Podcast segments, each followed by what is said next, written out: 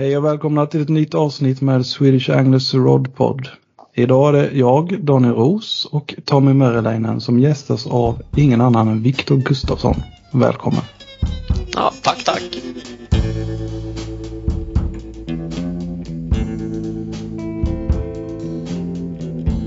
Swedish Anglers Rodpod presenteras i samarbete med Fiskekompaniet. I've had enough of your bullshit to last me a lifetime.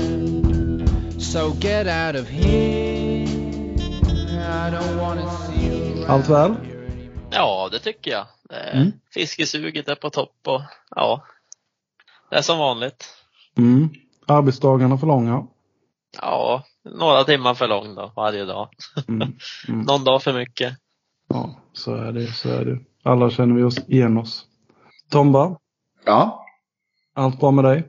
Ja. Mm. Inget fiske, som vanligt? Nej, jag fiskar inte på vintern. Nej, jag vet. Och då gör man annat. Mm. Det, det, fan, det, förstår du hur skönt det är? Bara koppla ner allting. Jag behöver inte läsa om fiske, jag behöver inte höra om fiske, jag behöver inte känna någon fiskesug. Ingen ångest, ingenting. Jag har inte, Nej. inte köpt en påse mäsk sen ja, september typ eller någonting sånt där. Inte ens några krönikor kommer det. Nej, nej, inte ens det. Det är för jävligt. Fast jag har ju klippt podd och sånt där. Så har jag, där tiden har gått upp. Nej men det är faktiskt det.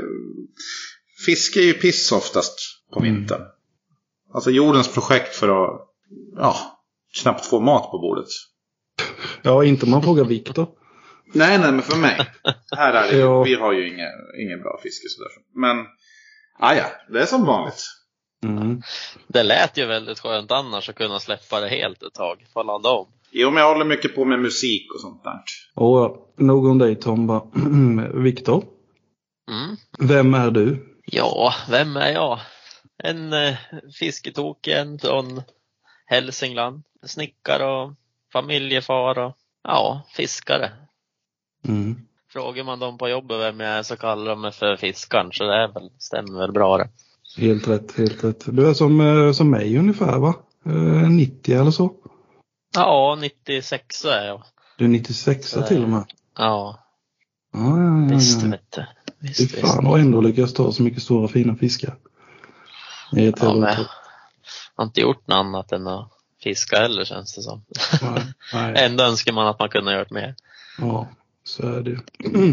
Du, eh, hur länge har du specimenfiskat så eller metat egentligen? Det är ju, alltså metat, metat gädda och sådär har jag gjort ganska länge. Alltså flötmet och lika flötmet efter abborre med betesfisk och sånt där. Det har jag hållit på med Mm. i kanske tio år eller något sånt där. Men det här Okej. riktiga specimenmetet har väl kommit, det är väl nu i år, det som det har tagit fart och, Okej. och liksom fått det mesta av tiden.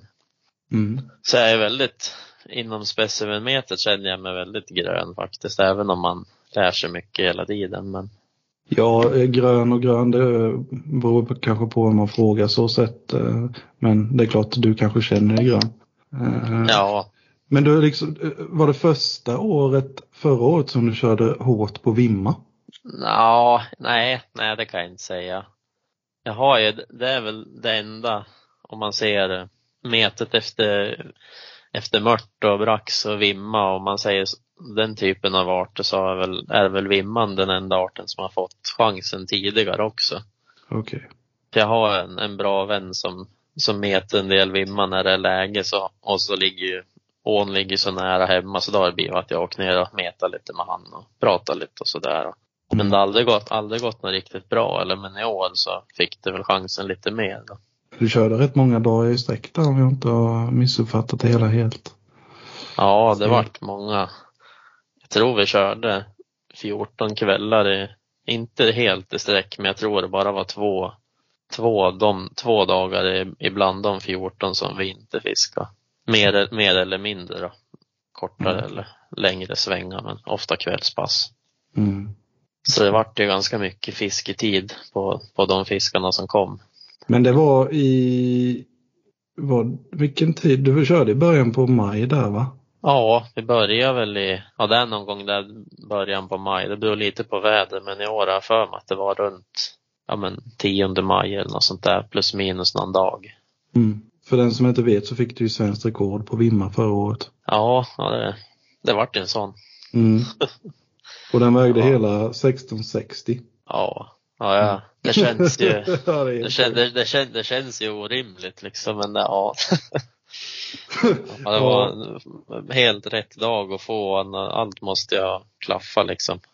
Ja, planeterna stod i, i linje och zenit och allt vad det heter. Ja, ja det var ju bara, vi fiskade ju då vi, ja men under den där perioden och så sen sista passet vi körde, då fick vi mycket små hannar liksom. Och, men det syntes att de var mycket mindre än alla än de fiskar vi hade fått tidigare och så var det någon där rann mjölkljus och då den kvällen avbröt vi faktiskt bara efter ett par timmar för det kändes fel att fiska på dem när, när det visade tecken på att de hade börjat lekt liksom.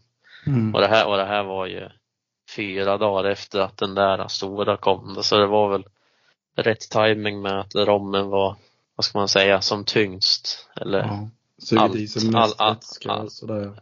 allt var väl rätt liksom. Så du Mm. fortsatte att fiska fyra dagar till efter du fick den här jättevimman? Ah, jag vilade dagen efter i alla fall. Ja, ah, gud vad härligt. Men sen, ja. sen vart jag lite sugen igen. Hur ställer man sig om där? Det är ju inte så att man får en ännu större. Eller bara Nej. att njut, njuta av... Ja, ja det, det var en lite, ja men bara, bara få åka ner till ån och sätta sig och mysa liksom. Mm. Sen ja, ja, ha, ha spö i såklart då, men det var, då var det mer att bara åka ner och njuta av det.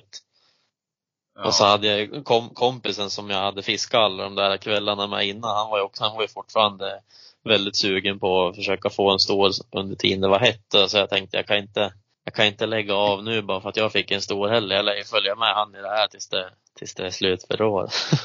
Ja, riktigt solidariskt. Nej, det var för jäkla kul. Ja, det kan jag tänka mig. Hur känns det att få en så jävla stor fisk? Alltså det är ju som att få en gädda på eh, 32 kilo eller någonting. ja, Ja. Ja, ja det känns ju. Gre- Grejen är att jag tror att jag hade, jag hade nog kunnat satt mer ord på känslan att få en sån där stor om det hade varit en art som jag hade kanske fiskat efter.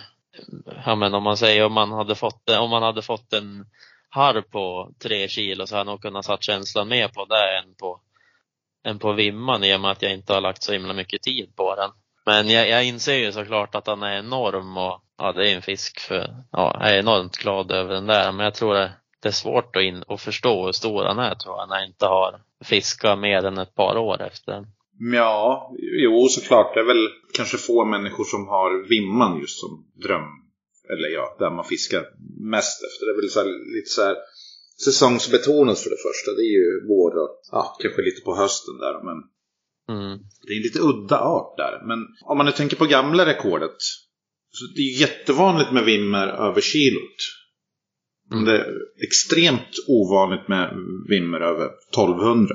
Och ändå så har ju rekorden, ja, alltså det har väl knuffats uppåt något gram här, något gram där. Men säg från, vad kan det vara, 90-talet någonting så har det väl legat någonstans där på kring 1213.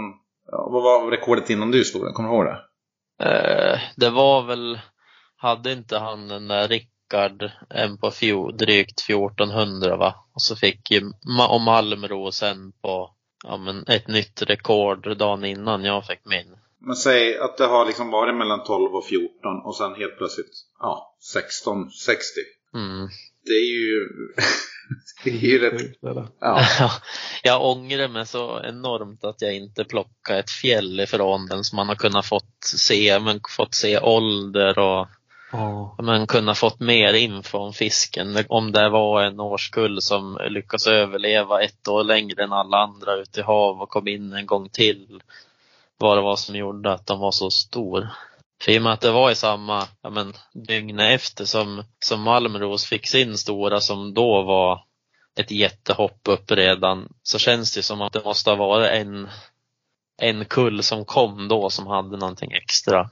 Det är lite så otacksamt att heta Malmros. Ja, jag, kände, jag kände mig faktiskt nästan taskig när jag berättade men jag kände jag ville, jag berättade ju för han. Jag höll, jag höll ju lite på fisken i ja, men, en, någon vecka, en vecka eller något sånt där. Men han berättade för direkt dagen efter. Jag kände jag måste ju berätta i alla fall. Men om man nu tänker efter att det är ju ändå ett rekord som många har försökt att slå. Och så gör han en jättehöjning. Och sen hamnar den totalt i skymundan av din fisk då. Så att Ja, han har ju fortfarande fått Sveriges näst största vimma som är överlägset näst störst. Det är bara att du råkade få din dagen efter då. ja, ja. Det är ju maximal otur egentligen. Ja, Och och, hans grejen är så tror jag, jag, jag tror inte att om det inte vore för han så, så vet jag ärligt inte om jag hade fått min heller. För, för vi, jag och Sam då, som jag fiskar mycket med, vi hade väl börjat tänkt att det var över vi liksom. Så vi, vi var ju liksom, ja men under hela maj då hade man direkt kvällen när fiskepasset var avslutat bara slagit fast att ja men imorgon då, ja men vi ses då när vi har lagt ungarna hemma. Men nu hade vi kommit till det här att vi typ hördes sent på eftermiddagen. Bara, ska vi åka ner eller? Ja, jo men vi gör det. Så jag vet, jag vet inte om det hade blivit att vi fiskade en som inte han hade fått den där. Alltså, men när, han- när han fick den där, då kände vi att ja men vi kan inte ge upp nu eller om vi har legat i två veckor. Nej, det var väl helt korrekt. Men vad heter det? Det är ju, det är ju maj snart igen. Ja, det drar ihop sig snart. Och tiden går ju fort. ja, ja, det går jättefort. Ska du knalla ner till ån då? Ja, jag, jag längtar ju men samtidigt så gruvar jag mig lite för jag är lite rädd för att det ska bli mycket folk och att man ska tappa, tappa det fina i att sitta lugnt och stilla själv i ån. Men jag tar, jag tänkte jag tar, jag tar det som det kommer men jag får nyttja fördelen att det är nära och bra, att man kan åka ner och kolla läge och kanske välja dagarna när det är, när det är lugnt med folk då istället. Är den, är den bred då?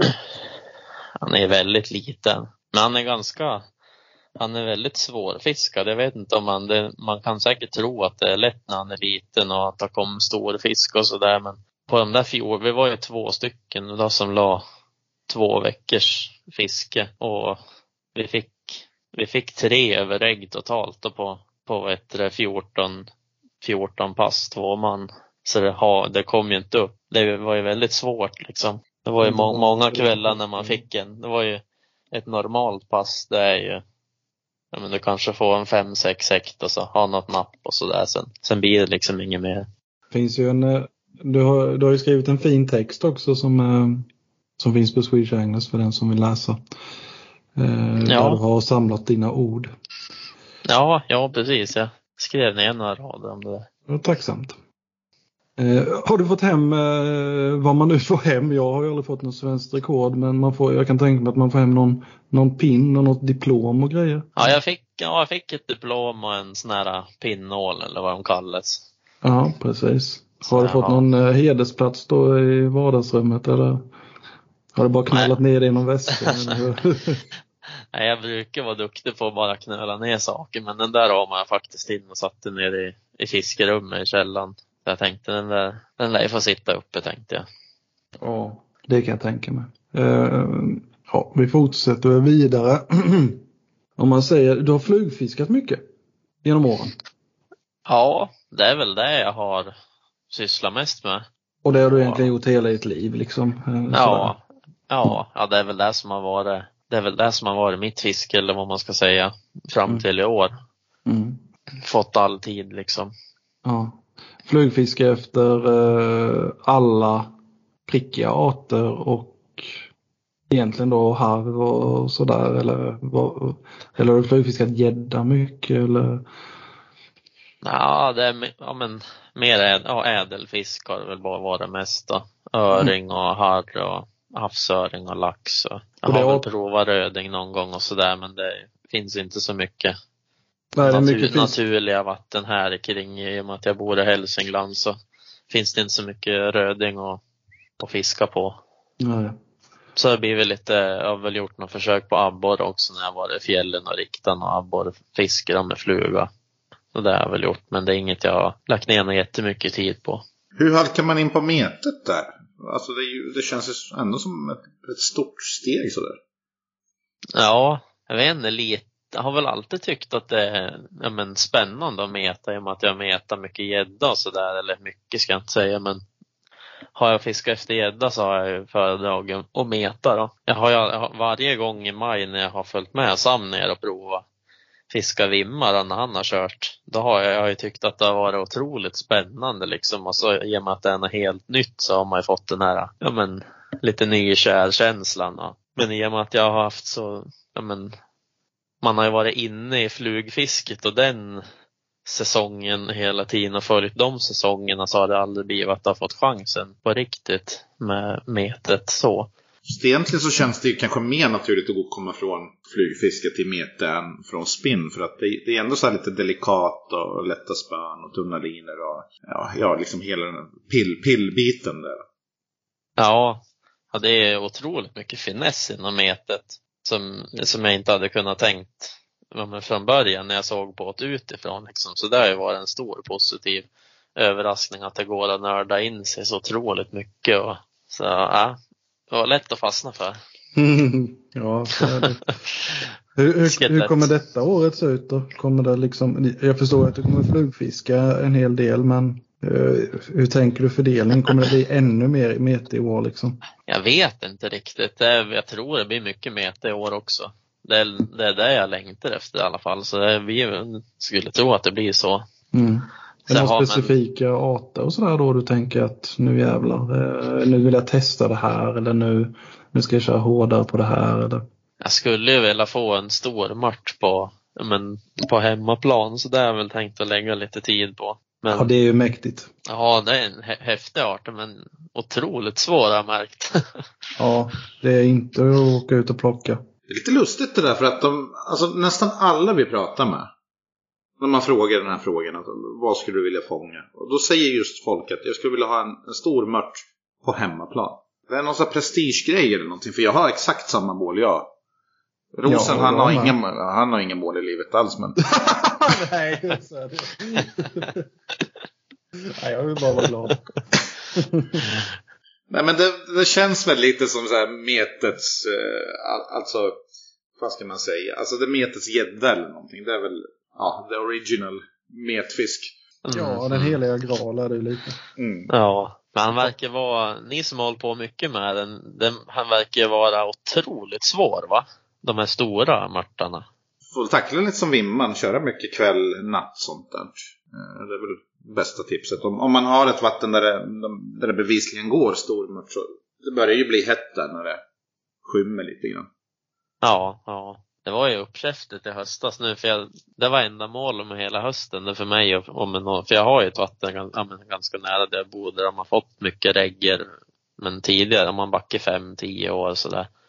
Men jag vet inte, jag tror jag minskar med fiskare så det har inte kommit upp några på slutet. Men jag tänkte jag lägger all tid jag har nu i höst på att försöka få en stor mört där. Men det, det villes aldrig riktigt. Det var första gången fick jag en på men nästan 700 då, då fick man ju lite känsla för det. Men sen gick det liksom gång efter gång efter gång. Och det vart aldrig någonting. Och så i oktober någon gång då, då tröttnade jag väl lite. Så tänkte jag nu, nu lär jag ha en dag nere i Älvkarleby och fiska upp självförtroende igen. så åkte jag ner dit men då fick jag ju en, då fick jag en fin mört där på en gång på, men på över 900.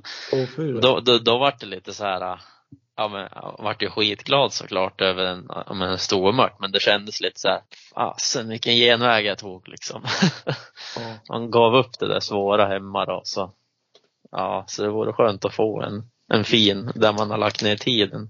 Det är ju ändå skönt att kunna ha Dalälven och sådär skapligt nära för att man får väl tänka lite som du gör så att man, man har sina målsättningar på hemmaplan och sen har man allt det andra som inte är hemmaplan. Så, tänker jag i alla fall. Att en, en björkna från Dalälven, skulle jag få en på kilot? Ja visst, det är en jättefin fisk men det slår inte en 8 hektars på hemmaplan. Nej, det blir man får ju liksom dela upp det i olika, ja. olika ligor liksom. Nej men hemmaplan är alltid hemmaplan, det är, det är något speciellt. Ja. Och jag tror att det är det här att när man, ändå, man kanske inte har de här bästa vattnen. Att man kanske försöker bevisa för sig eller för någon annan att jag kan nog fan plocka en stor. Där det känns omöjligt. Det, det är kanske det som är utmaningen. Jag vet inte. Ja, någon, någonting som driver den och tar dem på hemmaplan är det ju. Men vad det är, det är Ja, det är jättekonstigt och vi känner nog alla samma. Eller många känner ju samma givetvis. Så att det, det är någonting med hemma, hemma, hemma. Men ska du köra, ska du fortsätta köra detta mötvattnet nu här i vår eh, och försöka klippa den innan leken nu då tänker du eller? Nu vill vi veta. ja, jag, har, jag, jag har väl någon liten plan om att, ja, men, att det ska gå i synk med vimmafiske lite grann. Just det här jag nämnde att jag, jag har ju möjligheten att åka ner efter jobbet bara och kolla om det är några folk eller inte i ån då. Mm. Och jag räknar med att det kommer vara en del folk nu till våren. Så, Så jag tänkte nog. att de, de dagar är lite folk där så åker jag och lägger den tiden på mört istället. För det är ju ungefär samtidigt som det kan vara lite läge på en förleksmört också. Mm. Mm. Så det, mörten kommer väl att få lite av vimmatiden då, eller vad man ska säga. Men du har väl kört lite brax i, vad heter den, Fläs, Flästasjön eller? Ja, ja precis. Ja, det, jag provade på det i våras och ja, fick ju hänga med Sam där också. Han har ju fiskat ganska mycket sådär så jag har, ju, jag har ju lärt mig mycket genom han i och med att han har han har ju gjort liksom det här tidigare och under många år så jag har fått lärt mig mycket med han. Mm. Så vi, men vi la en del tid där i maj faktiskt och ja men fick ju för att vara, för att vara, vad ska man säga, för att inte vara i Rögledamma väldigt fina fiskar i alla fall. Ja, men sjukt, sjukt stora. Ja, de är ju ser helt jävla sjuka ut i den sjön alltså. Mm. Riktigt fina De öron. är, de är, ja de är väldigt fin. Ja. Det, det kittlar ju lite, lite grann nu och få, få se ja, men, vart taket går, om det går att få någon ännu större liksom. Man tänker ju lycka, men går att få, men som han, vad heter han, Gregors Kubicki eller vad heter han? Han fick en där på 6 och 7 eller vad det var. ja, precis. Om man tänker, kan går att få en på 6 och 7, då måste det gå att få en på 7. För man, man har Oh, ja. svårt att, in, att inbilla sig att någon ska ha fått den största liksom. Nej, så är det ju. Får man Så fråga känns- hur ni eh, fiskar? Eh, Boltade ni när du körde braxen där eller? Eller har ni quivifiskat feeders eller Ja, flötmetat? Eller? Ja, i våras då körde vi ju, då körde vi nästan bara feederfiske. Eh, vad heter det, Sam, då han körde boll den kvällen, men det var väl, ja, det var väl mest bara för att han tyckte det var lite kul att plocka fram grejerna igen och ja, damma av dem, men annars var det nästan bara feederfiske. Mm. Och Mm. nej, Det är det, är ju otroligt kul. då ja det är svinkul. Men har Ja. ni kört igenom hela nätterna då med, med feederfisket då eller, hur- eller har ni kört? Ja, ja men ofta ifrån, ja men ett vanligt pass var väl att vi åkte dit vid, ja men framåt kvällskanten så här vid 6-7 på kvällen och så satt vi väl till 3-4 på morgonen ungefär. Ja. Så det var väl inget, det krävde väl ingen uppmäskning liksom att man ska mäska in dem och sådär utan det brukar, de brukar komma någon stöt per natt liksom. Så fick man en period när nappa och så kunde det vara trögt sen. Men du fick ju en jäkligt stor där.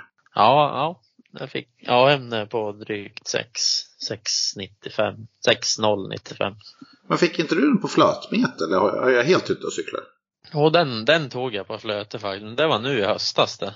Ja. Då vad hette det, då hade jag sett vad hette det, med en mycket stor brax som, som vä- vältras i ytan liksom och var uppe och rulla sådär. Och mycket bubblor och så var jag ute och fiskade efter mört faktiskt. Men jag tänkte man, så satt vi och flöt meter med mört då på, eller efter mört då. Det är väl typ 10 meter djupt eller vad det kan vara. Så att vi, om man ka- kastade i liksom pellets och lite mäsk och så här, men bara strödde ute för att inte någon mängd liksom så att försöka lyfta upp fisken då och så körde vi med flötena på så här 3, 4, 5 meters djup. Och så rätt vad det var så tog det bara tvärstopp i ett mothugg.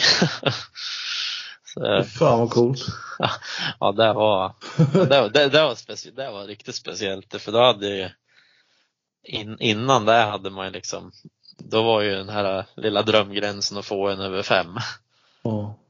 Men då fiskade ni från båt? Ja, och så vi hade ju lite, man, man skulle kunna säga det som att det var en bonusfisk när vi fiskade efter mört, men vi hade en plan inför hela den där, för det var jag och en, en, vet du, en kompis från Stockholm som kom upp och så skulle vi köra en satsning då på en helg efter mört och brax då. För vi vet att det är stor mört och så tänkte vi att man, ja men vi vet, jag hade ju sett brax där när jag hade fixat, fiskat mört och så vet vi att det finns stor brax där så tänkte vi köra en kom bara efter brax och mört. Så vi, vi feederfiskade ju på botten då från båten samtidigt som vi flöt meta.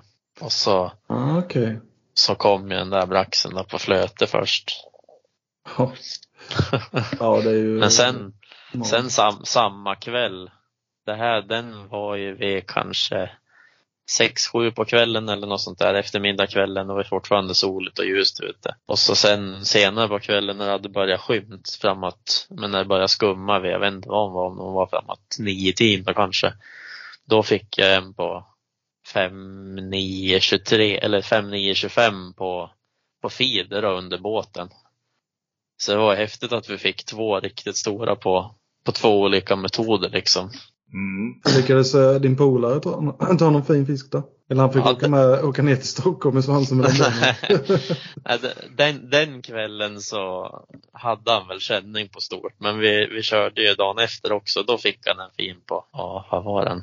Ja, pinsamt att jag inte minns vikten exakt, men den var höga fem kilo i alla fall. Ja, men det är ju jättefin fisk. Ja, det var en jättefin fisk. Det är alltid kul när bägge lyckas när man åker iväg sådär. Alltså det gör ju jävligt mycket. Ja, det vi, alltså den känslan, för då, då, då, hade, då började vi känna så här, vad fan, det var så jävla kul om vi kunde få, om vi, om vi kunde få en stor val liksom när vi lägger en satsning. Och så när den där kom då, jag kommer ihåg, det var ju nästan, man, man jublar ju mer åt den där än när man hade hovat en själv liksom dagen innan. Ja. Det är något speciellt när, när det blir, när, när alla har lyckats liksom tillsammans. Mm. Ja, för fasen. Jag och Rosen, vi, vi lyckas alltid men aldrig samtidigt.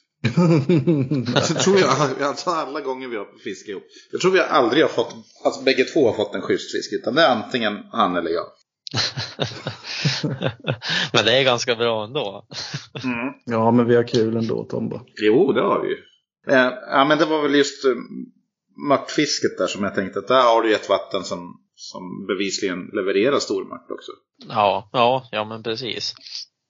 Ja, de har ju tagit så här, man bara, ja men historiskt så har det tagits med jämna mellanrum och även om det inte har registrerats någon just fisk senaste fem, sex, sju åren så tror jag det mer beror på att det kanske inte fiskas lika mycket eller kanske förklarar en del av det i alla fall. Nej, men jag tror att folk de har ju fått någon sån här braxhybris eller någonting nu så att mörtfisket kanske har glömts bort lite grann. Ja, ja så kan det vara också. Mm. Det är också ett vatten där det kanske kan, ja man slipper vara ensam där kanske nästa år vid lek. Ja, ja, ja jag är rädd för det. Jag är rädd för det. Det är lite specimenfisket, eller jag är inte specimenfisket, men det är väl all fiskets som baksida. Att när någon, något vatten börjar leverera, då ska ju alla dit. Ja, men det blir lite så. Mm. Det Men det är väl en ganska stor sjö va? Ändå. Ja, ja han, är, han är stor den där. Det är det som är så häftigt nu också för nu, men när vi fick dem från båt och då, det var inte alls på samma område som, som man får dem på våren liksom. Det var ju mera ute på liksom, ute på de här större djupen. Så vi var ju osäkra på om den skulle gå att få brax ute på de där stora djupen eller Mm. Stora djupen, det är väl generellt, men här uppe är väl 10 meter djupt. Det är rena Åh. Jens Bursell-fisket ju. Och, och jag, jag berättade ju för han inför den där helgen att ja, men, fan, jag har sett vad heter det, jättemycket storbrax som har visat sig här ute liksom, på de här djupa områdena också. Och så, i, och så började vi prata, ja, men äter de så djupt då? eller är de där av någon annan anledning? Men så var en annan som fisk, eller fiskar mycket specimen här uppe förr som all, har sagt ja, men många gånger att ja, men bubblor liksom, det är att de gör, jag vet inte, rensar de gälarna och gör ren efter de har ätit eller vad är, vad är det som gör att det kommer bubblor? Vet ni det? Alltså bubblor kommer det ju när de mäter såklart, men menar du sådana här stora jacuzzi-bubblor eller?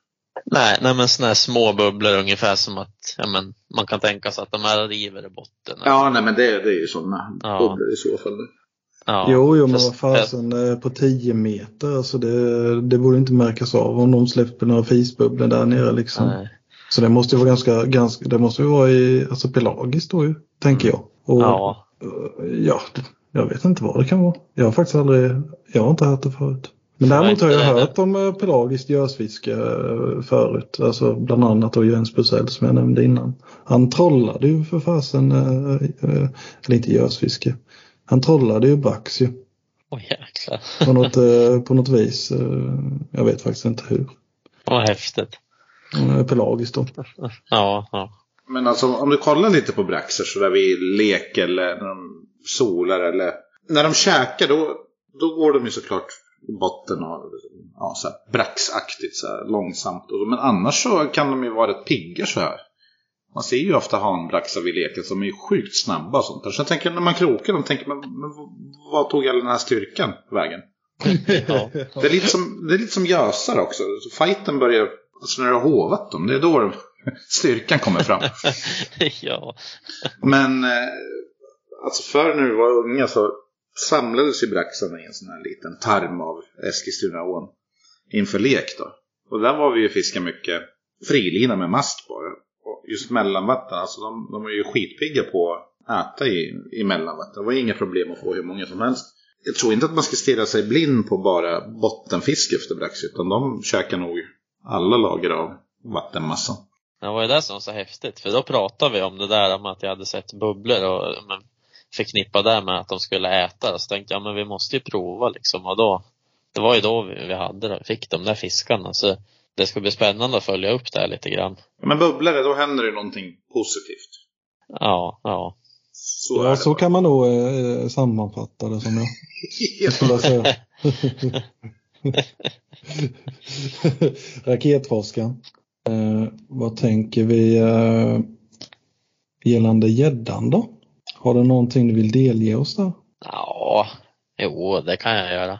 Mm. Det var, ja, men det var ju såklart en jätterolig fisk att få. Mm.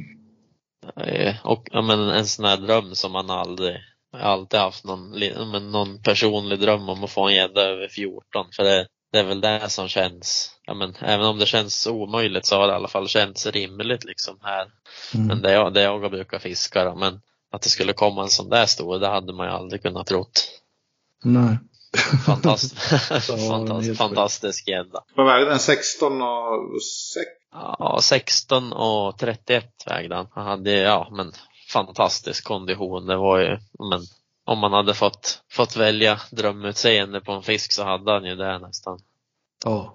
Det var 100, 122 på längderna men han hade en väldigt eh, lång underkäke så jag vet inte, hade det varit en, om man ska kalla det för en normal underkäke så har han väl kanske varit bra precis 120 eller strax över.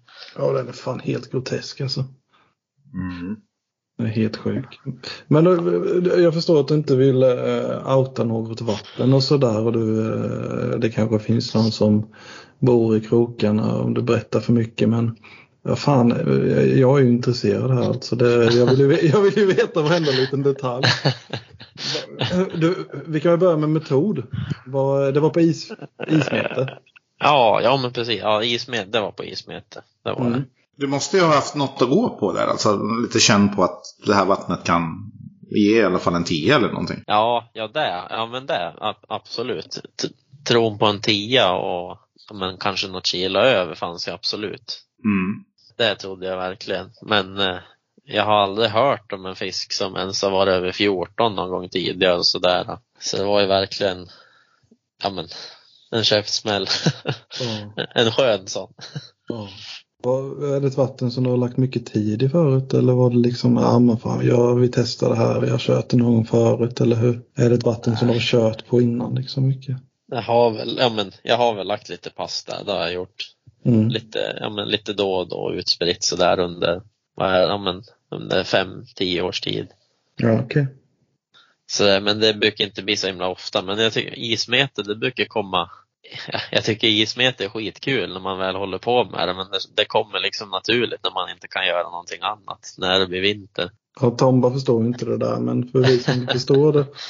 Ja, men det någon gång sådär ibland då blir man ju sugen Ja. på det, så är det ju. Ja, vi, men så, så är det med mesta gäddfiske för mig. För isme, ofta när jag fiskar gädda så är det ju från isen så då blir det ju det blir, det blir aldrig att jag ismeter ett vatten och, och lyckas där och så åker jag och lägger all tid jag har. Och sen på våren och hösten och under de perioderna för då sysslar jag ju med annat liksom. Så det blir ju, det blir ju vintern som är den tiden när jag provar lite.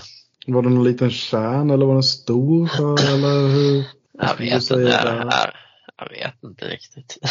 Nej, nej. Nej, Rosen, nu, nu nu är det lite för privat här. Ja, nej, men jag, jag vill liksom bara veta lite. men jag vill verkligen inte, jag vill verkligen inte, inte att du ska outa vad det är för vatten. Jag bara, jag bara är så jävla nyfiken. Alltså. Men jag, jag, Ja. jag funderar så här att om man, om, om man nu ska satsa på en, en riktigt jävla stor gädda, då snackar vi 15 plus eller någonting sånt där. Mm. Så om man jämför med specimenmeter, om du ska satsa efter mört eller någonting. Eh, och- och så börjar du få fisk på 7-8 hektar någonting sånt där. Då känns det ju väldigt hett för, för att kanske kunna få en över kilot då. Mm. Men som, som gädda, liksom, om, man, om man går till en sjö och det inte nappar alls. Då känns det ju nästan som att ja, men det här kan nog vara rätt. Får man 18-8 kilos då känns det som att nej, det här är nog inte rätt sjö. Alltså vad är det man söker efter eh, för signaler när man ska söka efter en riktigt jävla stor gädda så här? För jag, för jag förstår ju att det kan ju inte finnas 3 miljoner gäddor i sjön. Nej, nej. Jag vet inte, det är väl mest, ja men största, det som kan ge, som jag tycker ger mest, avslöjar mest är väl men konditionen på fisken man får. Ja. Jag skulle säga alltså konditionen och att de är riktigt, riktigt grova långt ner. Alltså ner Ja. mot eh, stjärtspolen. Eh, det tycker jag eh, känns som ett hett vatten om man hittar sådana fiskar. Och inte att man får bara en då, utan att man får några som är indikerar på det här då. För då är, då är det ju egentligen bara längden man behöver på en fisk om, om de håller den konditionen liksom. Ja, ja men precis. Att de har den här men, ryggbredden och att det inte bara är en bula på magen och att det, de är smalnar av henne som du säger. Och Mm, precis. Sen lika kan jag tycka det känns hett om det är, ja men om du kanske får mindre fisk. Men jag, jag tycker ofta generellt här uppe i alla fall. Får du mycket fisk mellan fem och åtta kilo så är det inte ofta man, man lyckas få någon topp sen liksom. Det är precis som att det blir för mycket av mellanstor fisk för att det ska producera en riktigt stor. Nej, det är jag också villig att hålla med om. Det finns det ju undantag såklart men alltså jag tycker många gånger har det stämt in bra på att får vi mycket mellanfisk så, så har vi inte fått några just många större Nej. istället. Då. Nej, men ser man historiskt till det hela så är ju sådana här grusgropar, forellpölar, alltså relativt små sjöar, dammar, kalla, ja, nå- något sånt där. Och sen få gäddor med extrem tillgång på mat. Det, Mm. det är väl den säkra metoden om man säger så. Ja, Ja, Men sen har du väl annat också, genetik och sånt där. Menar, alla gäddor blir ju inte så stora. Oavsett Nej. hur mycket mat de har. nej så är det möjligt. Eh, Så kan det vara. Jag vet faktiskt inte tycker må många gånger kan ett eh, vatten med väldigt lite betesfisk vara driva upp eh, vikt på en gädda också. Att det inte finns, att det inte blir för mycket liksom. Så att det, det är för lite betesfisk för att det ska, för att smågäddorna ska ha möjlighet, möjlighet, med möjlighet att bli många liksom. Att de går och, och äter utav varandra istället då. Ja, men jag tror nog att det finns nog jävligt många sjöar med riktigt, riktigt stora gäddor. Men problemet med gäddor är ju att de kan ju finnas överallt. De kan finnas i åar, hav, ja allting. Från minsta lilla pöl till Östersjön liksom. Så att det, det, det, finns ju några sjöar att beta av om man säger så. ja, man, man eh, lever ju på hopp om att det finns några nå guldkorn liksom som någon aldrig har varit när man provar runt. Men om jag, om, jag, om jag nu inte får veta vad, vad fan du fick gädda någonstans, då vill jag i alla fall veta hur det kändes. Eh, alltså, ja, ni, ni, du och din polare satt, eller du kanske satt själv på isen eller, och, och sen från det till att du får upp fisken liksom. Det måste, det måste du förklara. Ja, jo men det var, jag var ute själv, det var jag. Mm. Och ja men på förhand kändes väldigt hett faktiskt för det, det hade varit kallt under en längre period och så kvällen innan slog det om så jag hade, men från att ha varit, jag vet inte exakt men, det, men mellan 10-15 minus dagen innan så, så var det 3 plus på morgonen när jag kom ut. Och det var så här, men milt och skönt väder och den lilla snön på isen var alldeles töig så här. Och så, jag hann inte med än att få ut grejerna och installera mig där man kan kalla läger och, och så, så, så såg jag att det fällde ganska på en gång. Ja men jag kände ju på en gång när jag satte mothugget också att det var ju, jag kände att det är en bra fisk liksom.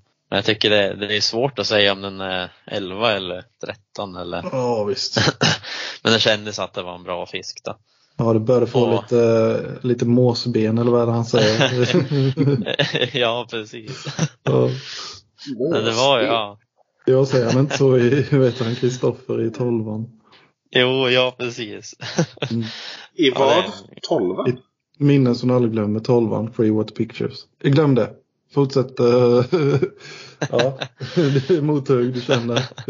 Ja, ja men jag drillar liksom och, ja men väldigt lugn och sävlig liksom. Jag känner, jag tycker ofta känner man ju på knycken liksom om det är en, tycker knycken avslöjar ju mer storleken än vad kanske tyngden gör ibland. Om det, men man kände ju att det var ganska långa gung liksom. Så jag misstänkte att han var ganska lång då i alla fall. Och så, ja men gick och tröck och fick upp han någon meter, rusa iväg kanske tre, fyra, fem, pumpa in några meter och så, ja, men när jag hade hållit på så där kanske tre, fyra minuter då tänkte jag liksom att fan jag har inte fått sett han än, han måste ju vara stor liksom. Ja. Och så svepte han under hål en gång först bara så jag fick, ja, men jag, jag fick se, jag såg höjden på honom men jag hade, kunde omöjligt hinna se längden så jag såg att han var ju otroligt grov. Mm.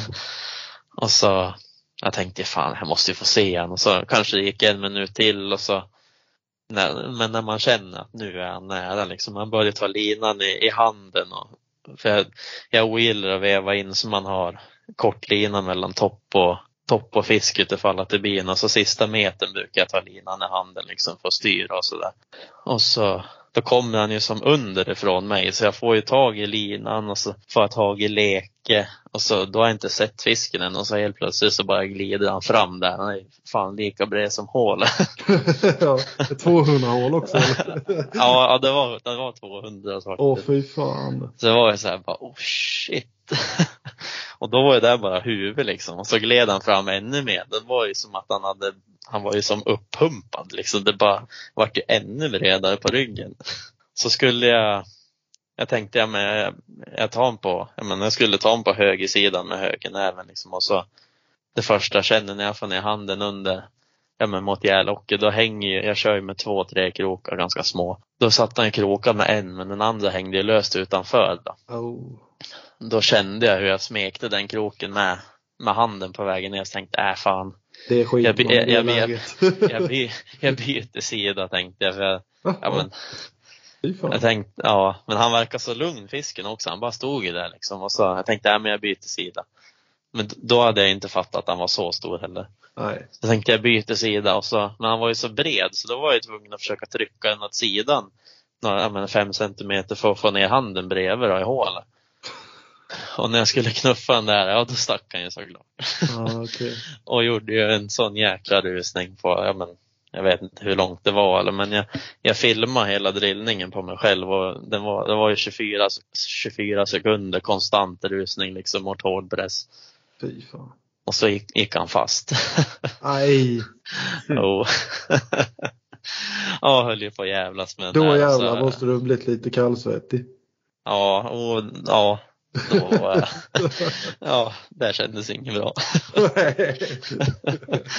Eh, Blicken, jag ser om jag tittar ju på den där filmen stup ett själv, men jag, jag, kommer ju aldrig kunna göra någonting med den för den avslöjar ju mycket liksom. Men jag, jag ser min blick när jag inser att han har gått fast och bara blir alldeles stel i hela ansiktet.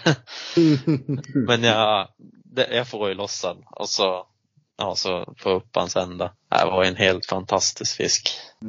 Åh fy fan. Ja, det förstår jag. Jag reflekterar aldrig liksom konstigt där. Man för, jag har alltid föreställt mig att man, att man ska liksom försöka gissa vikt och sådär själv och man får en stor, bara man uppskattar vad man väger. Och, men det var som att man hamnar i någon psykos liksom bara när man konstaterar att han är skitstor och så sen bara, nej men tång, våg, måttband, nej, men det var inte förrän jag liksom tog tag i vågen och skulle lyfta upp som man började, då tänkte jag snabbt en gång, den här kan vara nära, den här kanske är uppåt 15 tänkte jag liksom när jag lyft då. Ja. Och så, ja men 16, 31 då.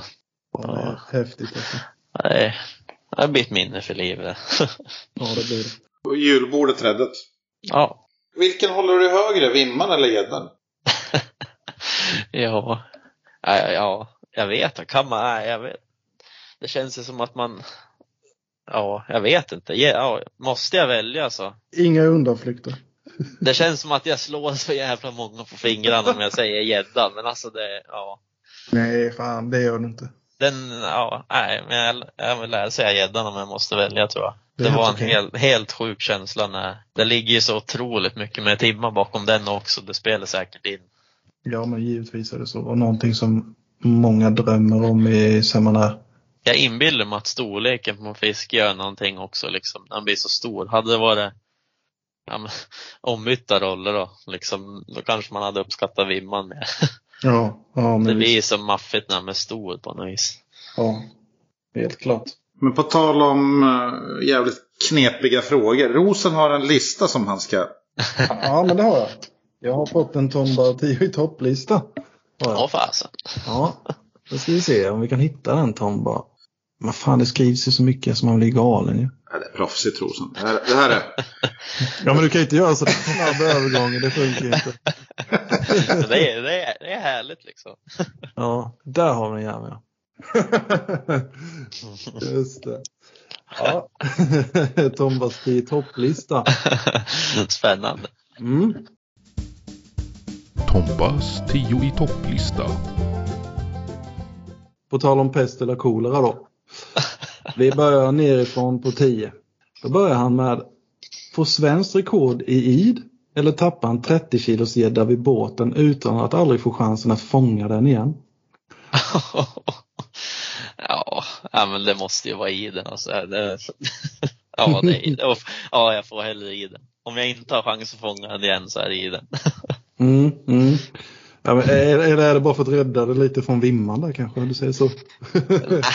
Nej, nej, men hade, ja, får jag lägga tiden och i tron försöka kunna få gäddan igen, då kanske man hade vetskapen och veta att han fanns där kanske gör det. Mm. Alltså det är ju en svår fråga. Tänk, ja, men tänk att se en 30 kilos gädda. Alltså, dubbelt så stor som din. Ja, ja men det, det skulle ju göra någonting med en, det skulle ju. Ja, man skulle må psykiskt dåligt. Ja, ja det också. Men visste man inte hela tiden att man aldrig skulle få chansen igen, då kanske man skulle ha ut någonting utav och tro att Ja, den gick att skulle ta man- igen i alla fall. Ja, då skulle man ju sitta där till helvetet kommer toan. Ja. Nej men det, det, det får bli i den. Ja, bra svar. Eh, vi fortsätter med nian. Går livet ut med mustasch och buskiga polisonger eller aldrig få skäggväxt? Nej men det är mustasch och buskiga polisonger. Ja, men jag, får, jag håller nog med där också. Och. Till, till min sambos stora förtret. Nej, okej. Ja, ja, men det får hon leva med. Ja, det får man göra. Ja. Eh, nummer åtta. Eh, vinna svenskan individuellt eller vinna 100 000 på Trisslotto. Ja. Den var, den där var svår. Mm. Ja. Vad fasen. Oj. Tagen på sängen. Mm. Mm. Jag vet inte, jag har jag har aldrig gått in för att vinna heller. Men ah, nej, jag lär ju säga in, vinna individuellt. Det finns väl någonting i det. Ja. Mm. Det, är stor, det, är, det, är, det är stort då. Nej, svenskan går inte att vinna med pengar. Den går endast att vinna med fattigdom. Ja, ja. Jo, ja men lite så är det. ja, det var bra. Ja, det var jäkligt bra sagt. Ja, nej men det vinna individuellt, individuellt i svenskan hade ju slagit jäkligt högt. Nummer sju. Vem skulle få spela huvudrollen som dig i filmen Över ditt fiskeliv? Snoken, Svartzonker eller Kevin Costner? Kevin, Mm. he- vem var det? Kevin, Kevin Costner. Kevin Costner. Mm. Oj. Ja men Snoken, han är så jävla skön. Mm. Det blir Ja. många hugg. Ja, det blir många hugg ja. Ja. Alltid glad. Ja, nej men vi, vi tar Snoken. Ja, mycket bra. Skulle du, nummer sex fortsätter vi med. Skulle du hellre välja att någon slår ditt vimmarrekord eller att någon slår dig i ansiktet? Nej, de får gärna slå det där rekordet. Det hade varit så jäkla coolt att, att se att det finns fler sådana här stora. Ja, det är stort sagt. Nummer fem. Vad skulle du helst köpa skattefritt? alkohol eller flokarbon? ah, fluorkarbon tror jag. Mm. Jag tror jag skulle tjäna mest på det. Är det så? Du är ingen Ja. ja. stordrickare så? Nej, det blir inte mycket eller Nej. nå- någon romma sådär ibland bara, men det det är en flaska per år. Ja. ja. Nummer fyra. Skulle du hellre bli sponsrad av Swedish Match eller Söder Sportfiske för samma summa pengar? Det är nu eh, det här gröna inom Specimen lyser igenom Swedish Match. Har de allt de eller? Det är ju snusbolaget. ja, ja. ja, men då blir det enkelt. Alltså du får pengarna. Du får, du får liksom inte produkterna. Utan säg att du får 100 000. Men vilken logga ska du hellre ha på bröstet? Då? Oj, får, vi, ja, får jag pengar av Söders också? Ja, du får samma summa. Du får välja Ja, liksom. samma summa. Mm. Ja, nej, men då tar jag Söders. Mm. Ja. Vad skulle du välja Tomba? Swedish Match. Swedish. Vad fan vad episkt att bli sponsrad av snusbolaget. ja. Men du, du snusar inte eh, Viktor? Du Nej, är en sån renlevnadsmänniska. ja, det är inte, ja, ingen rök och ingen snus, men det, Nej, Nej, röka ska man inte man- göra. man kanske fastnar i något sånt där någon gång, men jag har hållit med en i alla fall. Nej, det tycker jag inte. Det är onödigt. Nej, snus, snus är aldrig onödigt. Men röka är jävligt onödigt. ja. Det kan vi väl dividera om. Nummer tre. Vem skulle du hellre skivmeta mött med en kväll vid sprutet? Kungen eller Ron Jeremy?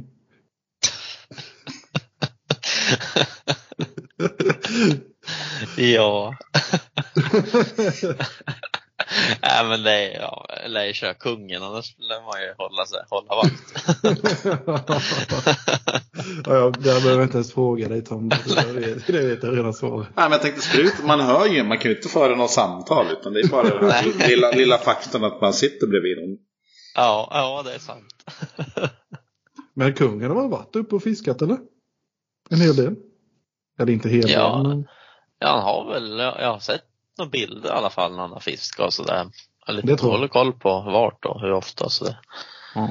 Nummer två. Om du skulle vara tvungen att döpa ditt nästa barn efter en svensk sötvattensfisk. Vilken skulle du välja? Till exempel Harr Gustavsson. Oj. Åh, men du. Finns det ens någon fiskart som är passande då för namn? Ja, för, förutom det exempel som Tom har kommit med då. Det var ju fruktansvärt bra faktiskt. Eh, Harr Gustavsson är ju ändå. Ja, ja. Men man kan ju inte Ja, heta det- så här det- det- klingar ju lite i alla fall. Mm. Men det är inte, jag har, jag har aldrig ens haft någonting att göra med den fiskarten, men låter inte faren lite som ett namn? Faren Gustavsson? Jo, Ja, det var, Ja. fan, det var ju. Ja, jag, kanske hade, det. jag hade tänkt stäm eller mal. Ja. Mm. Nej, men far, faren då? ja, det var smart. Nummer ett. Om du fick byta plats med Sveriges nordligaste sjö och ett känt metervatten för att jävlas. Vilken skulle du välja? För jävlas. Ja, Mm. men Sveriges nordligaste vatten. Ja, Mm. om du till exempel by- byter Rögledammar mot, då får ju alla åka till Sveriges nordligaste Ja, vatten. ja. Om, det, om, om, om andemeningen är för att bara jävlas, då, är, men, då måste det väl bli Spruta eller Rögledamma va? Ja, du väljer. Spru, Spruta ligger ju mitt emellan. Vi kör Rögledamma om jag ska få maximal effekt. Mm. Ja, Ron- Ronny menar Hosmoå, men varför det? Ja, jag vet inte. Ja, ja, varför inte? ja, det är så, ja precis. Men det är mest för att han inte gillar spinnfiskar ju. Nej, ja, jag vet inte. Nej, Ronny spinnfiskar ju. Det tror jag inte. Skulle man eh, ta eh, sportfiske generellt så hade hade det varit jättekul att flytta Kalmarsund upp till längst upp i Norrland. I Bottenviken längst upp. ja, faktiskt. Fan. Ja, det kanske har varit något nytt. Ja. Ja, vilken kanonlista som vanligt Tomba. Tack. Ja, Ja, det var bra. Alltså jag tänkte, det var väl vissa sådana här, alltså jag hade väl tänkt till där lite med specimen-tävlingen. Alltså hur, hur, hur viktigt är det att vinna den, om man ser så här utanför metet lite grann så här. Och vad är ett id-rekord värt egentligen när det kommer till gädda? Mm. lite si och så. Mm. Ja, men det var... Du har ju inte metat i 30 år. Utan du, Nej. du, du är ju rätt färsk, om man nu använder det här uttrycket. Och det jag tänkte höra, det var väl lite grann att hur ser man på meta när man kommer ja, liksom utifrån och in helt plötsligt? Alltså, känns det som, en, som, en, som ett trevligt ställe eller är det bara så här, verkar det komplicerat? Eller? Alltså, vi har ju svårt att svara på den frågan eftersom vi har ju metat hela tiden. ja, men eh, vad heter det? Jag var ju ganska nyss utanför och såg in, så jag, ja, men, som man såg, ja, men komplicerat har jag för mig att jag uppfattat så många gånger, liksom mycket prylar och ja, men, man har väl förknippat meter med kanske någon som sitter själv i någon vass liksom och, och bara tittar liksom och så här. Men det är, nu när man är inne i det, det är, men det behöver ju inte alls vara komplicerat och det är ju Ja men det är fantastiskt. Men innan jag kom in i det så var det väl lite den synen man hade på det. Att det skulle vara så himla krångligt liksom. Och, Jo, jag förstår det. Det är, väl, det är väl lite där som jag har tänkt med krönikorna där. Att jag försöker... Det är väl någonting som kanske når ibland ut till folk som inte metar. Att man försöker lätta lite på stämningen. Att det behöver faktiskt inte vara så jävla nördigt och komplicerat. Utan det ska bara vara en fiskeform som vilken annan. ja, Mm. ja men det behövs ju liksom inte mycket. Men som vimmafisket nu, är det, det första jag kommer i kontakt med det är ju bara men ett päronbly och en krok det liksom. Jag Det är inte- det är- Det är inte mer liksom. Nej, jag tänkte precis säga det. Alltså det är mycket av det simplaste skivfisket eller bottenmetet är ju ett, eh, ett päronbly och en krok som du säger. Alltså det är ju så enkelt som det bara kan bli. Ja. Jag, jag köpte mitt första fiderspö nu i våras. Innan det har jag kört med abborre haspelspöet i vimma. Ja, men det, det funkar Så ju. det, Liksom, ja, det, det, det, det har ju funkat liksom. Mm. Men det är, när man nörd, det är när man nördar in sig i någonting som alla de här detaljerna växer och sådär. Men då sker det ju naturligt och inget som är då är det ju för, för att man har ett intresse liksom och då är, uppfattar man det inte som krångligt och sådär. Alltså det funkar ju. Alltså, man behöver inte köpa alla de här konstiga spöna och rullarna och allting. Om man bara vill testa på. Jag menar Färnameter, det är ju bara, det är som du säger, blusänke, krokräka, vilket spö som helst. Det funkar liksom. Ja, det är Ja. svårt att missa huggen liksom. Mm. Så. Vimman är ju lite tacksam på så vis att den, är- den är ju lite så här grov när den käkar. Alltså du kan köra med lite större beten. Och, det behöver inte vara så jävla finessigt alla gånger som, som folk tror. Nej, man behöver inte ha några just känsliga spön heller tycker jag för de brukar ju ja, men, kliva på ganska aggressivt också. Så. Ja, Rosen Så- vet ju det. där. Han körde med surfcasting-grejerna idag. ja, lite så var det faktiskt.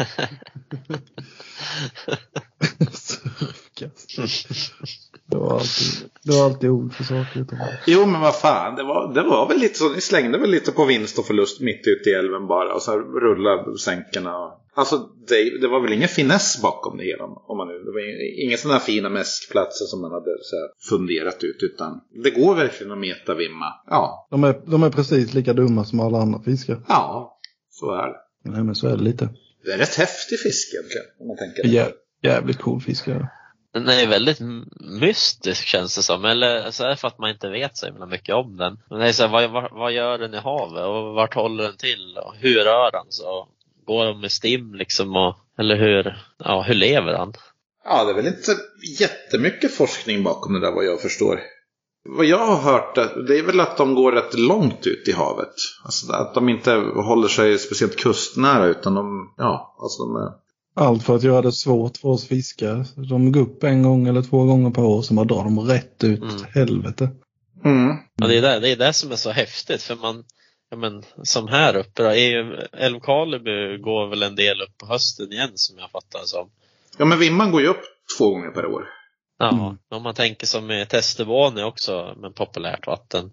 Och Lötån här, i alla fall här i Lötån, men jag tror det är väl lika i Testervån också. Där, där kommer de väl bara på våren för leken men man, sen ser man inte skymten av dem igen förrän nästa år. Så att de, de går inte upp för hösten heller, Ja. som jag fattar det.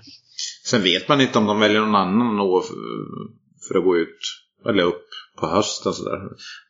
Jag antar väl att det är väl någonting lite som Iden, typ, om man, man tänker sig Mörrumsån eller någonting. Jag menar, de går ju upp där på hösten. Det är väl för att maten börjar väl kanske sina i havet och sen går de kanske upp i åarna för att käka. Ja, Jag vet inte. Det är häftigt faktiskt att de gör så. Mm. Jag vet inte hur de, kan man kalla det för hur smart de är? Det finns ingen lekstrategi i det att de går upp och så backar de ut och så håller de till strax runt mynningen tills det är dags för lek och så går de upp igen eller? Ja, jag vet inte riktigt.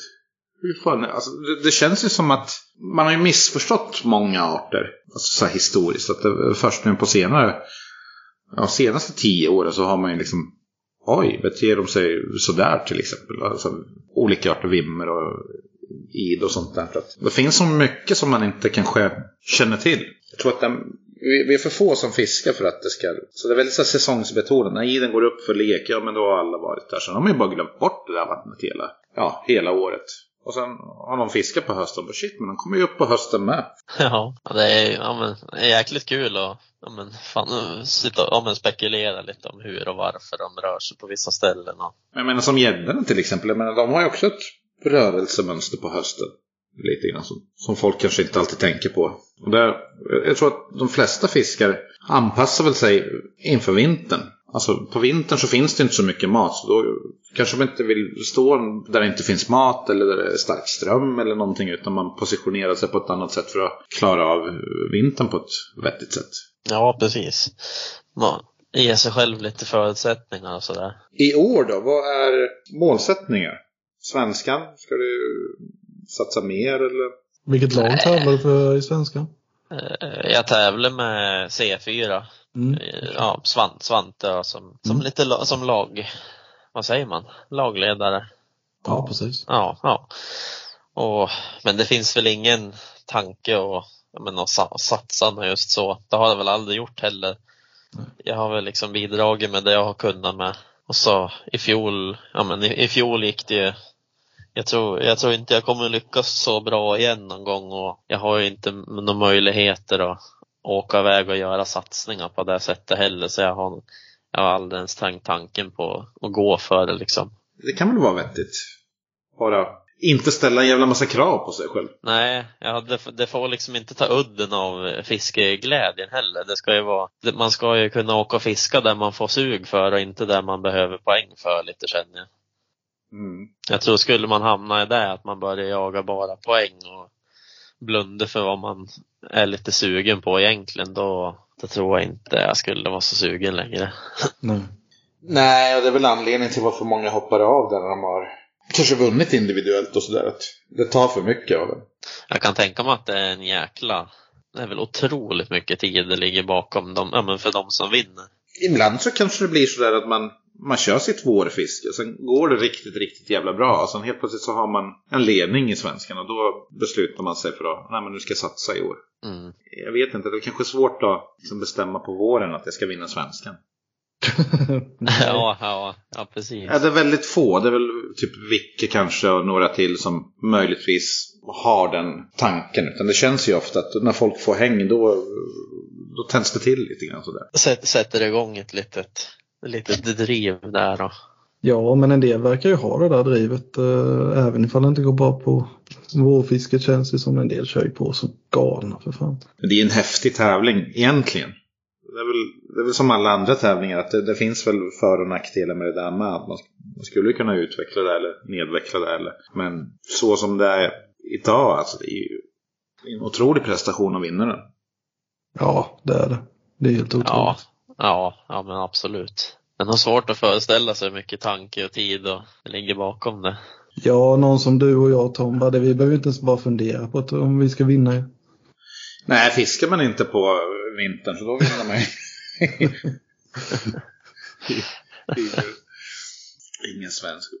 Ja, vad har du för planer för i år? Alltså, har du någon art förutom mörten som du tänker att du ska försöka knäcka? Men drömmen är väl att få en, en harr över två kilo. Hur nära ligger du nu då? Eh, jag har största på 18, ja vad är största? 1850 tror jag det är.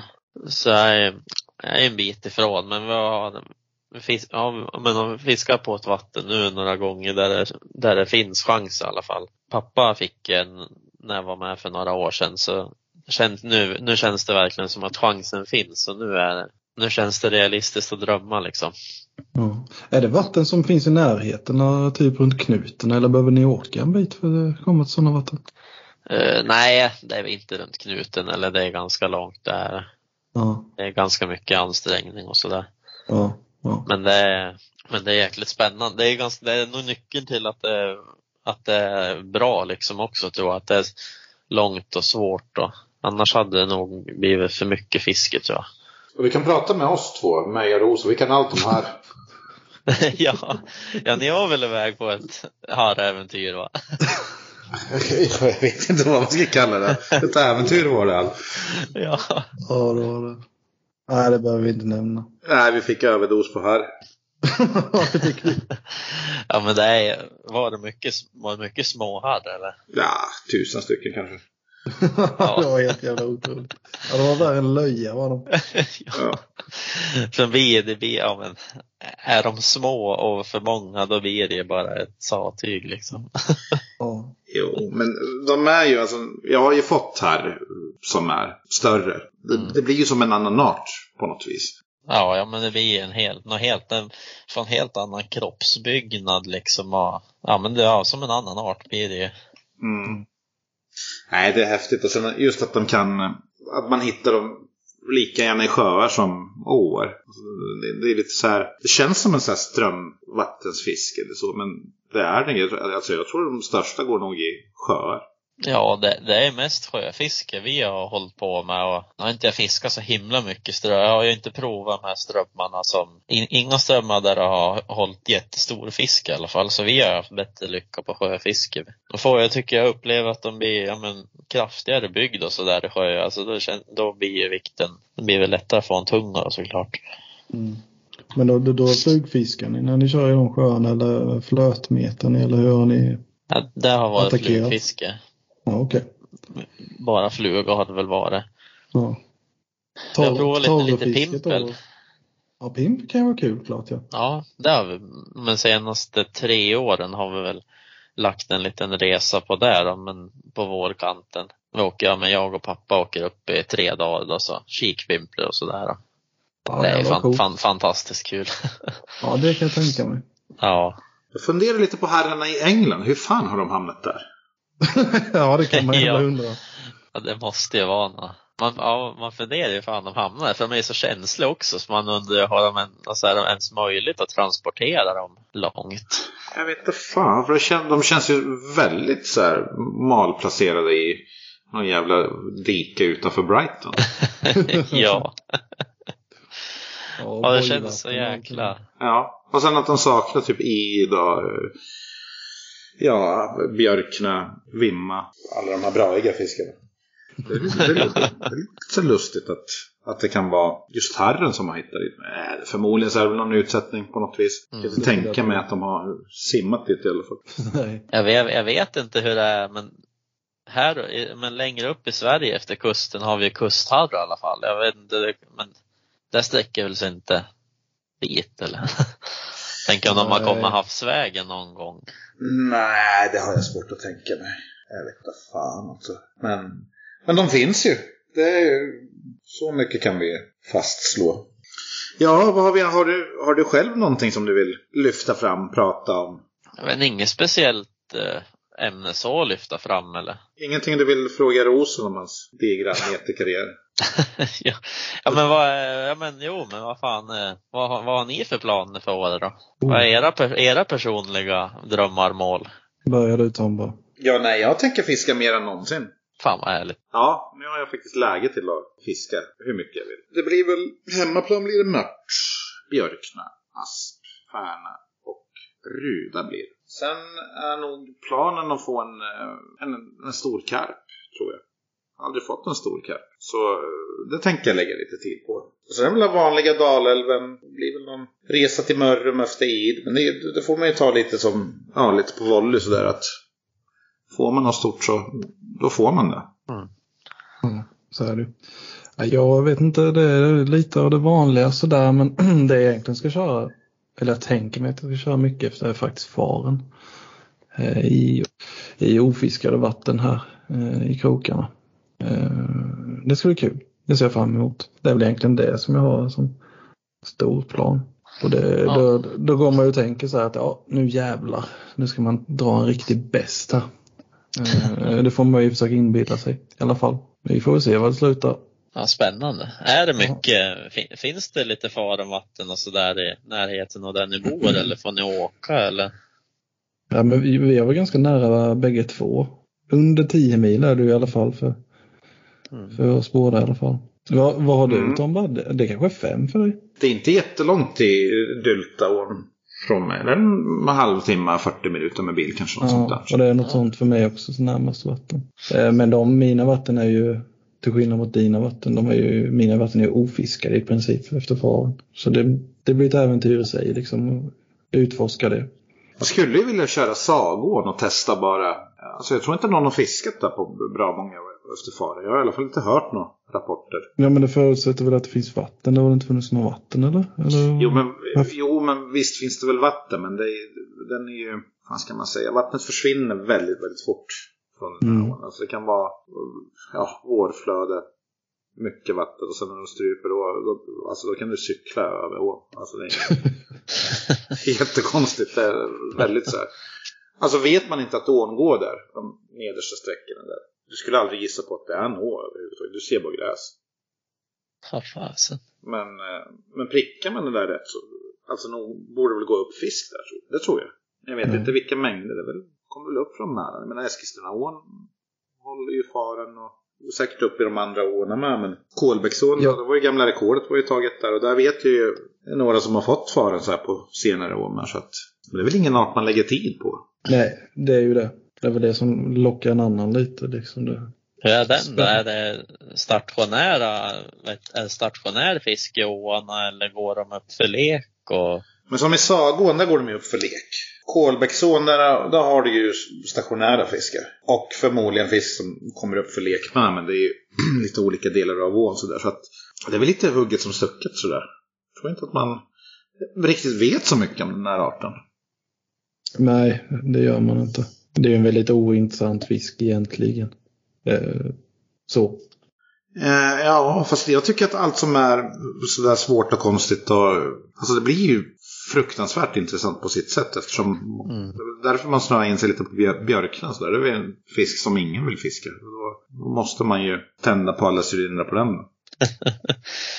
men det är lite det som, men så här, det stora ointresset för en fisk kan ju räcka för att den ska bli intressant på något vis tycker jag. Ja, men jag menar det. Det är det som är häftigt att lära sig någonting. Så ju mer man fiskar efter en art så ju mer lär man sig. Och sen, sen blir det ju sådär att man tycker att det är roligt att man själv har lärt sig något. Man själv Ja, har ja. lagt ihop pusselbitarna börjat se ett mönster vart de håller sig olika tider på dygnet eller olika tider på året och, och sådär. Alltså, det, är ju, det är väl där specimenet egentligen går ut på från, från början lite grann sådär. Att man ska försöka lära sig någonting. Jag vet inte vad stora liksom, läroplanen är när man besöker sprutet till exempel. Alltså det kan ju vara, absolut vara roligt på sitt sätt. Men det är ju inte speciellt lärande att stå där med någon. Ja. Men det känns som att det är svårt, ja, men jag som grön, det känns som att det är jävligt svårt att hitta en röd tråd där på något vis. De gånger jag har varit där i alla fall. Alltså man kan hitta ett sätt som funkar men det känns som att det är olika, kan ge olika resultat varje gång eller olika arter. Och, Jo, det beror väl mycket på vilka fiskar som är inne och sådär. Det är väl en viss konkurrens om maten här kan jag tänka mig. ja, det finns ju lite och, Det finns ju några sugna munnar där nere. ja. ja, så är det. Ja, jag vet inte. Har vi något mer att tillägga här? Nej, inte så här på rak arm. Vi får, Men jag, jag, jag, jag kan tillägga ett stort tack för allt fint material vi får ta del av utifrån. Alla, alla poddar och ja, men, eh, Tombas krönikor och men, vloggarna som Christian kör. ja. Ja, men det är kul Tack, att, att folk gillar dem. Det uppskattas. Det blir ju lite svårt för oss att eh, så här, veta vad man liksom bistår med också. Det är, vi är ju så inne i liksom att producera grejer hela tiden. Så man vet ju inte vad fan det betyder för folk. Om det är liksom så att ja, men det är kul eller att, om det är helt livsviktigt eller om det ja, spelar ingen roll. Livsviktigt. Nu har du för höga tankar om dig själv Tom. ja, nej. ja. Nej men så är det, men det är ju jävligt kul och, och folk har blivit jävligt duktiga på att eh, faktiskt kommentera och så nu eh, på senaste tiden tycker jag. Och det är jävligt kul. ja, då blir det betydligt enklare. Ja, Så är det. Nej, men det, för, för mig så har det varit mycket, jag har ju lärt mig otroligt mycket också men sen, sen när jag snö, snöade in på Mete så men, har jag plöjt igenom alla era poddar nu senaste året och man har ju fått lärt sig otroligt mycket liksom från alla gäster och er. Och, det är ju otroligt lärorik, och lärorikt också. Så var det Mm. poddarna, där lär du dig fiska. Krönikan, där lär du dig allt om livet. ja. ja. Ja, men vad kul. Ja, det, men men det är ju det är ju roligt att du, att du tycker att det, att det ger någonting. Mm. ja, men det, det ska ni veta. Tackar så hjärtligt. Ja, tusen tack att du tog dig tiden. Ja, jättekul att du ville vara med. Ja, ja men, eh, kul att snacka lite fiske. Absolut. Så tackar vi så mycket för denna gången så hörs vi säkert snart igen. Ja. Tack. Hej! Hej.